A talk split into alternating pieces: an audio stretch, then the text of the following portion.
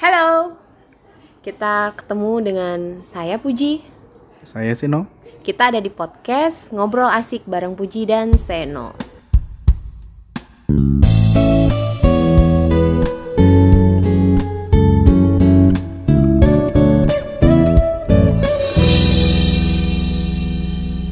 Jadi ini adalah podcast pertama kita.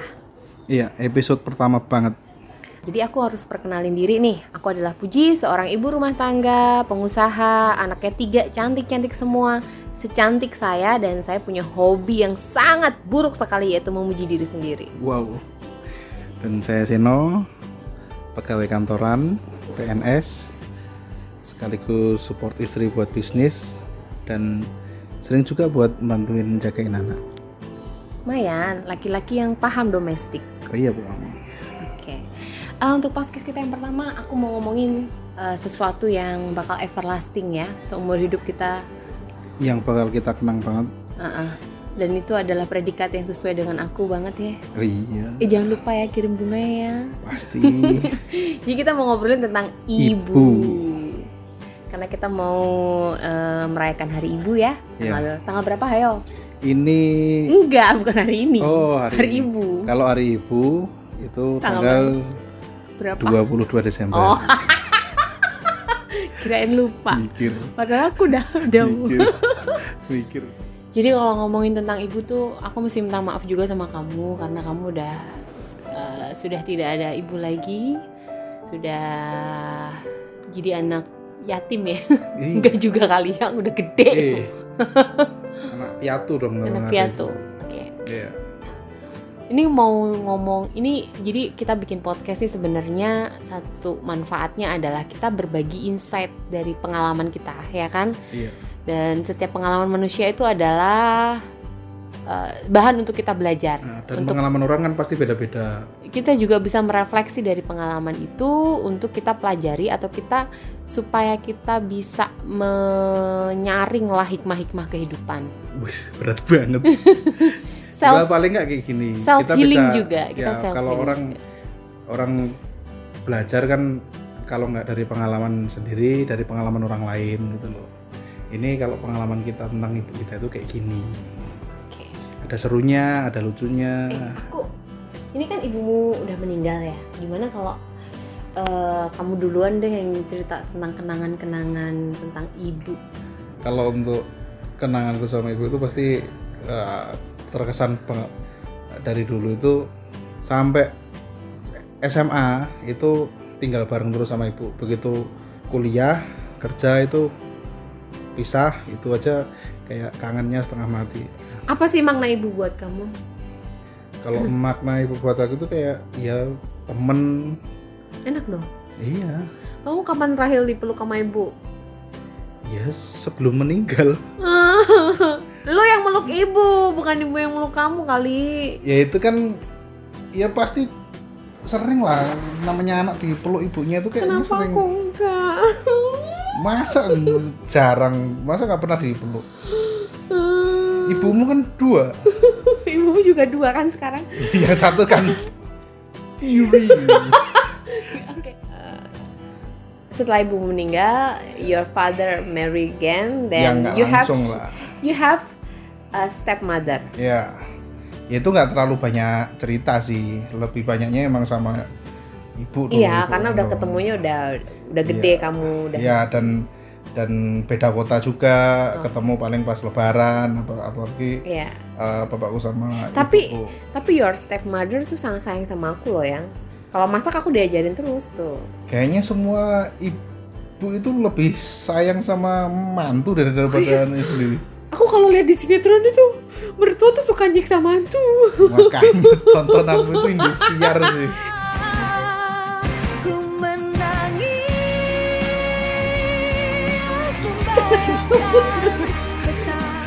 nggak apa-apa lah ini kan podcast pribadi. Ini kalau misalkan eh, kalau aku tuh ngelihat, mungkin aku aku kadang ngerasa kalau ibu masih hidup, ibu kamu masih hidup, pasti aku jadi mantu yang disayangnya yang. iya pas ibu sendiri ngomong dulu kamu siap-siap aku sayang. Nanti kalau eh, kamu udah nikah pasti aku lebih sayang sama istrimu sama cucuku juga gitu. Eh, aku sampai tapi- lah kok konsepnya kayak gitu kan? Aku anakmu kenapa? Anu kamu kan udah puas dari kecil aku sayang sayang terus gantian kalau udah tua tapi aku nggak pernah ngerasain. Pokoknya kita waktu nikah ibu udah ninggal ya iya Terus waktu sempet. nikah itu dua tahun setelah ibuku meninggal. Dua tahun setelah oh ya kita married Iya. ibu dua tahun setelah ibu meninggal ya. Oke. ada satu momen nggak yang sama ibu tuh bener-bener mengena banget? Mungkin saat kamu bener-bener drop banget dan kamu bersyukur bahwa kamu tuh punya ibu yang hadir gitu. Oh, kalau sama ibu itu benar-benar kayak gini sih. Dulu itu yang maksa aku banget buat uh, tes masuk ke stan, akhirnya lulus itu kayak benar-benar kamu kalau nggak mau nggak ada semangatnya kayak gitu kembaliin uangku sekarang. Kayak gitu terus ngomongnya. Habis itu saking aku wah susah susah susah ini bu. Anu sampai ujian itu diantar. Oh ya ujian sweet diantar, daftar diantar. Nah, gantian nih, sekarang aku mau nanya gimana rasanya punya ibu dua? Enak aja dua ibu gua tiga. Wah, meriah banget. Itu ibu atau? Ibu beneran ibu. Gue nggak ngaku ngaku orang jadi ibu gue nggak. Jadi eh, sebenarnya semua anak itu berasal dari satu ayah dan satu ibu yang saling mencintai. Kemudian mm, tuh muncullah buah hati ya dan Hmm, nah jadi eh, bapakku itu dan ibu aku itu divorce ketika aku baby masih bayi bapakku tuh marinir angkatan laut gitu Wow. lah. Jadi lu jangan macam-macam taruh di bedel boro-boro di bedel ketemu aja ke kau pernah. Jadi mereka divorce uh, aku masih bayi banget. Terus kemudian ibu aku tuh niatnya tuh mau kerja akhirnya aku tuh dititipkan ke budeku dari dititipkan ke budeku itu karena aku nggak diambil-ambil akhirnya aku diadopsi. Surat-surat diganti dan di kakak itu aku diganti jadi anaknya. Jadi budeku. jadi ceritanya kamu begitu hidup bareng sama budemu lumayan lama, akhirnya dibalik nama. iya. Jadi kalau status di di kakak pas masih kecil gitu, anak dari budemu bukan? Anak dari bude dan pak deku. Gitu. sementara dari ibuku itu ibuku nikah lagi akhirnya kan. Iya. jadi ibuku nikah lagi setelah aku usia 2 tahunan ibuku nikah lagi. Bapakku yang kandung itu itu uh, punya istri juga akhirnya punya istri. Jadi aku punya ibu tiri ibu kandung dan ibu angkat. Tiga ibu gua. Wah. Nah, Jadi kalau yang yang lain tuh paling mentok sampai punya ibu Tiri. tiri. atau ini ibu tiri lagi iya, ini banyak tiri, nih. ibu angkat, ibu ibu tiri, ibu angkat, ibu kandung. Nah, ada yang unik nih memang. Bahkan dulu sempet denger dari tetanggaku yang kenal sama ibumu. eh kapan Itu sebelum sebelum pas kita deket gitu kan. ada Kapan yang Oh, sebelum mau merit. Iya, itu kan pas kita kan ini ya satu kelu eh satu kecamatan ya. Iya, kita kecamatan atau kelurahan ya? kebetulan masih satu prefektur lah. prefektur ya Iya. eh, prefektur area satu kecamatan. Puji itu orangnya pinter, baik, tapi sering dipukul sama ibunya. Aku sampai, wah kok ada? Karena siapa yang di ngomong gitu tetanggaku, Oke. tetanggaku yang kebetulan dia kalau nggak salah satu pengajian atau gimana gitu. oh jadi aku tahu. tuh jadi aku tuh terkenal sebagai anak yang sering dipukulin Iya, jadi sampai kayak heran, nah, emang ada orang tua kayak gitu. Karena di di sepanjang hidupku itu Nggak kayak hampir nggak pernah dipukul sama ibu gitu loh. Mungkin apa lupa apa sampai sampai gede pun kayak nggak ada memori itu gitu loh. Nah denger kamu dipukul sama ibu apa bukan separah apa dipukul sih? dipukulin kalau dipukul kan sekali Wah, malah lebih parah. malah lebih parah. Aku karena bayanginnya itu kalau anak udah dipukul itu berarti, berarti udah parah banget itu loh. gue nggak keparah gue tuh nurutan jadi bukan aku nakal jadi emang aku nggak tahu kenapa jadi mungkin karena bude aku atau ibu angkat aku tuh sayang sih sebenarnya sayang sama aku. Sayang perhatian. Aku tahu dia juga mendisiplinkan aku ngajarin aku memenuhi sebuah semua kebutuhan. Tapi aku nggak tahu mungkin karena alam bawah sadar atau ketidaksadaran dari ibu ibu de aku itu pengen banget punya anak dengan pak de aku ya. Tapi kan nggak Hmm. punya anak itu mungkin ada rasa uh, envy atau gimana malah malah gedein malah gedein anaknya adiknya gitu atau gimana. Hmm. Uh, itu dulu aku nggak pernah terlintas sama sekali sekarang aku baru kepikiran gitu bisa jadi mungkin ada perasaan tertekan, perasaan cemburu, perasaan kenapa aku nggak punya anak dan aku malah ngegedein anaknya adik aku. Terus uh, ada aku yang aku nggak ngerti apa ketika itu sudah mentok. Kadang ketika aku bikin kesalahan sedikit pun juga akhirnya dilampiaskan lah ke aku gitu. Aku juga melihat bahwa sebenarnya itu masih aku juga melihat uh, kecenderungan orang di atas generasinya orang tua kita kan masih seperti itu ya yang ya. Ya, nah, kalau bapakku sering cerita tuh kalau uh, kalau suaminya uh, bapakku berantem sama adiknya, kepala sama kepala diambil, hmm. habis itu dipukulin. Oh, gitu? Itu kayak udah biasa. Kayak udah biasa gitu loh, kayak makan Mungkin karena anaknya banyak kali ya, stres kalau orang zaman dulu. Ya lumayan sebelas. Gimana nggak stres? ya, dan ibu-ibu zaman dulu tuh keren banget deh pokoknya bisa memelihara anak segitu banyaknya. Hmm. Nah kalau ini ngomongin soal ibu aku, uh, kalau ibu aku tuh uh, uh, aku tuh itu mungkin ada kecemburuan dari budi ibu ibu angkat aku tapi di sisi lain aku tuh cemburu sama adik-adikku yang merupakan adik tiri aku karena mm-hmm. ibuku kakak kandung itu menikah lagi oh iya dan itu kadang ibuku kandung itu sering sering melihat aku tuh hidupmu tuh lebih baik dibandingkan adik-adik kamu karena kamu ikut budi kamu gitu mm-hmm. dan aku tuh dalam keadaan yang tidak terlalu baik dan aku membesarkan adik-adik kamu tuh dalam keadaan kesusahan. Ibu kandungku tuh kadang melihatku dengan cara seperti itu dan itu sebenarnya bikin aku tuh sakit banget karena basic insting seorang anak itu adalah bu, lu tuh sesusah apa pun itu sebenarnya anak itu akan lebih bahagia saat sama ibu kandungnya sendiri.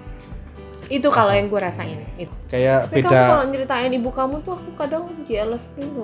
Ya mungkin karena kamu lebih ditempa akhirnya sekarang lebih tough gitu aja sih oh aku tough ya iya oh, oh. sementara aku kan lebih santai karena emang makanya sekarang kamu aku tempa Bagaimana merasakan ditempa oleh seorang ibu kejam? aku gak, tapi aku kan nggak kejam ya. Iya. Aku halus kan. Halus. Aku merasa jadi bawang putih yang disayang jadi uh, jadi pendengar mungkin punya cerita masing-masing tentang ibu dan pasti punya perspektif yang uh, lain tentang ibu tapi kalau kita bisa simpulkan nih ya yang gimana ibu itu sebenarnya selalu punya niat yang baik buat kita mereka punya perspektif uh, sendiri lah hmm. mengenai bagaimana membesarkan anaknya masing-masing karena parenting tuh kan nggak bisa ya kita yeah. jadi kita generalisir ya. Yeah. Orang zaman dulu ya mungkin dua generasi di atas kita berpikir bahwa yang penting anak-anak bisa makan. Mm -hmm. Dan gue tanggung jawab untuk kasih makan anak. Mm. Gak peduli gue nyubit dia, gue mukul dia itu apa ya untuk mereka lebih baik gitulah ya. Mm. Tapi kalau orang sekarang nggak boleh kayak gitu. Yeah. Kita harus ya, memperhatikan ya, psikis kayak, anak juga. Uh, karena emang masanya juga udah beda gitu loh. Dan ibu itu adalah sebenarnya madrasah pertama ya yeah. dalam rumah tempat kita bertanya, tempat hmm. kita melihat uh, realita kehidupan itu semua pertama dari ibu. Ya semua semua ilmu basic itu datangnya memang dari ibu. Ibu itu jadi teman, jadi tempat curhat, jadi tempat bercerita. Sampai ibuku meninggal itu aku menganggap ibuku tuh kayak nggak punya dosa kayak benar-benar best mom gitu aja sih. Oh, terus kalau aku tuh pernah dapat kritik ya dari ibu kandung aku. Waktu hmm. itu masih jadi uh, waktu aku udah tahu kalau ibuku tuh bukan ibu kandung, terus aku kan ke Jogja ketemu hmm. sama ibu kandung aku. Terus uh, lama di situ enam bulan lah. Terus mungkin karena aku tuh orangnya sangat disiplin ya, bahkan kayak hmm kayak misalkan ada anduk kotor gue ambil gue ngomel-ngomel gitu kan. Ya saya terus, sangat tahu sih itu. Terus gue terus aku adik-adikku tuh kan masih SMA SMP SD gitu adik tiri hmm. aku. Terus aku dek kamu ngapain sih?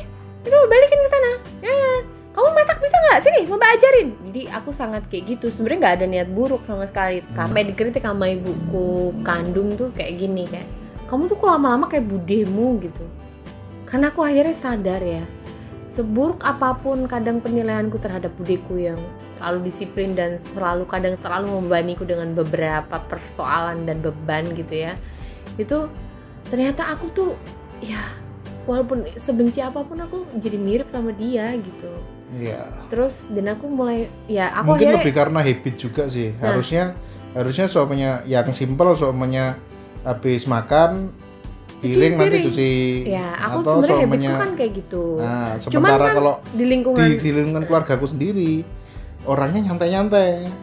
Bahkan ya makanya suaminya aku nikah pertama sama lu stres ya apalagi aku. Apa-apa kok nggak boleh. Ini harusnya gini ini harusnya gini. Wow kayak apa?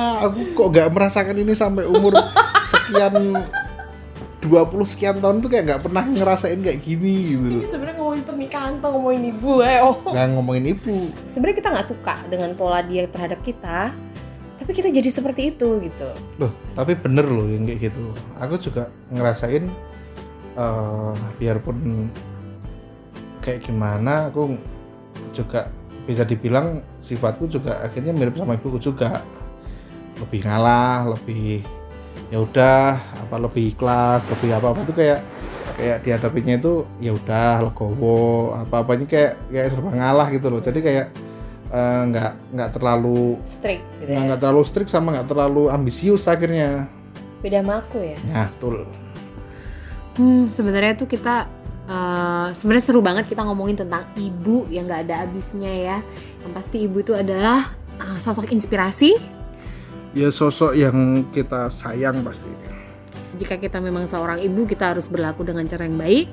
Dan jika kita seorang anak, ya kita harus mikul dur, mendem jero ya. Jadi kita Mhm. harus tetap berbakti apa pun itu sebisa mungkin untuk tidak menyakiti ya. Mhm. Jadi apa pun yang bisa kita lakukan kita bantu, kita kita lakukan gitu ya selagi masih ada dan sebenarnya kan secara agama juga sebenarnya itu kewajiban kita untuk tetap patuh dan hormat kepada orang tua kita. iya Aku mau baca nih sebuah uh, penelitian ya, penelitian oleh School of Psychology and Clinical Language Science. Jadi dia bikin sebuah penelitian, di sampelnya adalah 6.000 anak dan penelitian ini berfokus pada pengaruh peran ibu terhadap keluarga, terutama terhadap uh, perkembangan anaknya.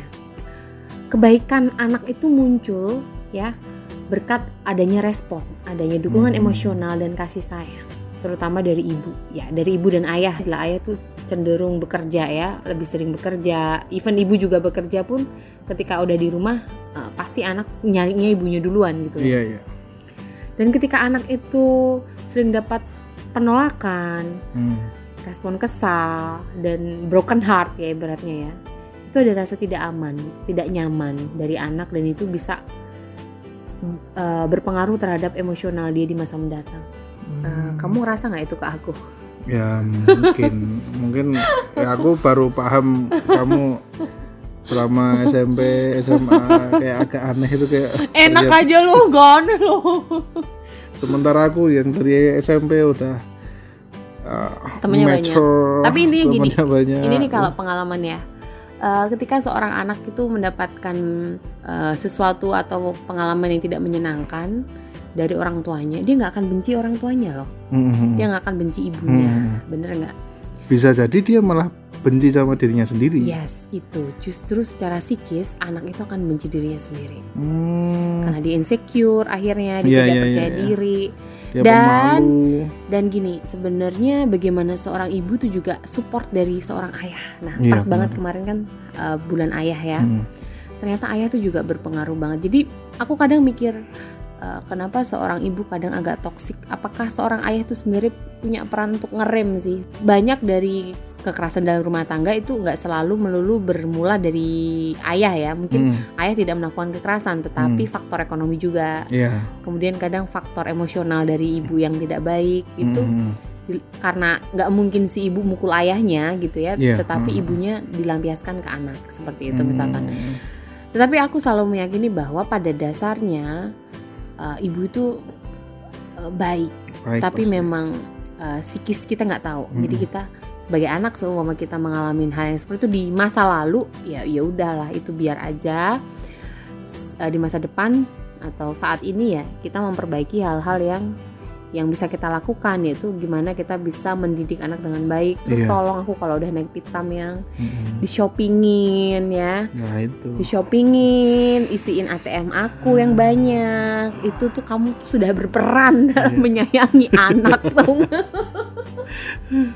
Jadi buat pendengar memang mengasuh anak itu nggak cuma ibu yang berperan bapak itu juga berperan banget karena memang kan saling saling support apalagi kalau kondisi istri nggak stabil itu pengaruhnya bukan ke nggak cuman ke suami tapi ke anaknya Eh, juga. emang berpengaruh ke kamu ya kalau aku? Oh iya bener ya. Apa? Kan aku dapat punggung terus kalau nggak stabil. Ini ngomongin ibu bukan seks. Oh iya iya iya. nanti next time lah kita ngobrolin ngobrolin yang lebih kita selesaikan podcast kita hari ini ya. Terima kasih pada pendengar yang udah dengerin podcast pertama kita yang kocak, seru dan agak eh, mendramatis sedikit tapi secara garis besar selamat Hari Ibu kepada semua ibu-ibu yang ada di luar sana. Dan tolong bapak-bapak di luar tolong ya tolong sayangi istri kalian dan anak-anak kalian. Pertebal kantongnya ya. Kalau Hmm. kantongnya nggak tebal nggak apa-apa lah. Paling nggak bantuin masak Iya. bantuin nyuci ya kan? Capek di rumah betul. Pijitin. Yang pasti seneng senengin istri biar nggak cuman istri aja yang seneng. Itu kalau istri seneng satu rumah pasti seneng. Oke, istri bahagia. satu rumah bahagia. Oke, thank you, terima kasih udah dengerin kita. Saya Puji, saya Sino bye bye, sampai jumpa lagi nanti.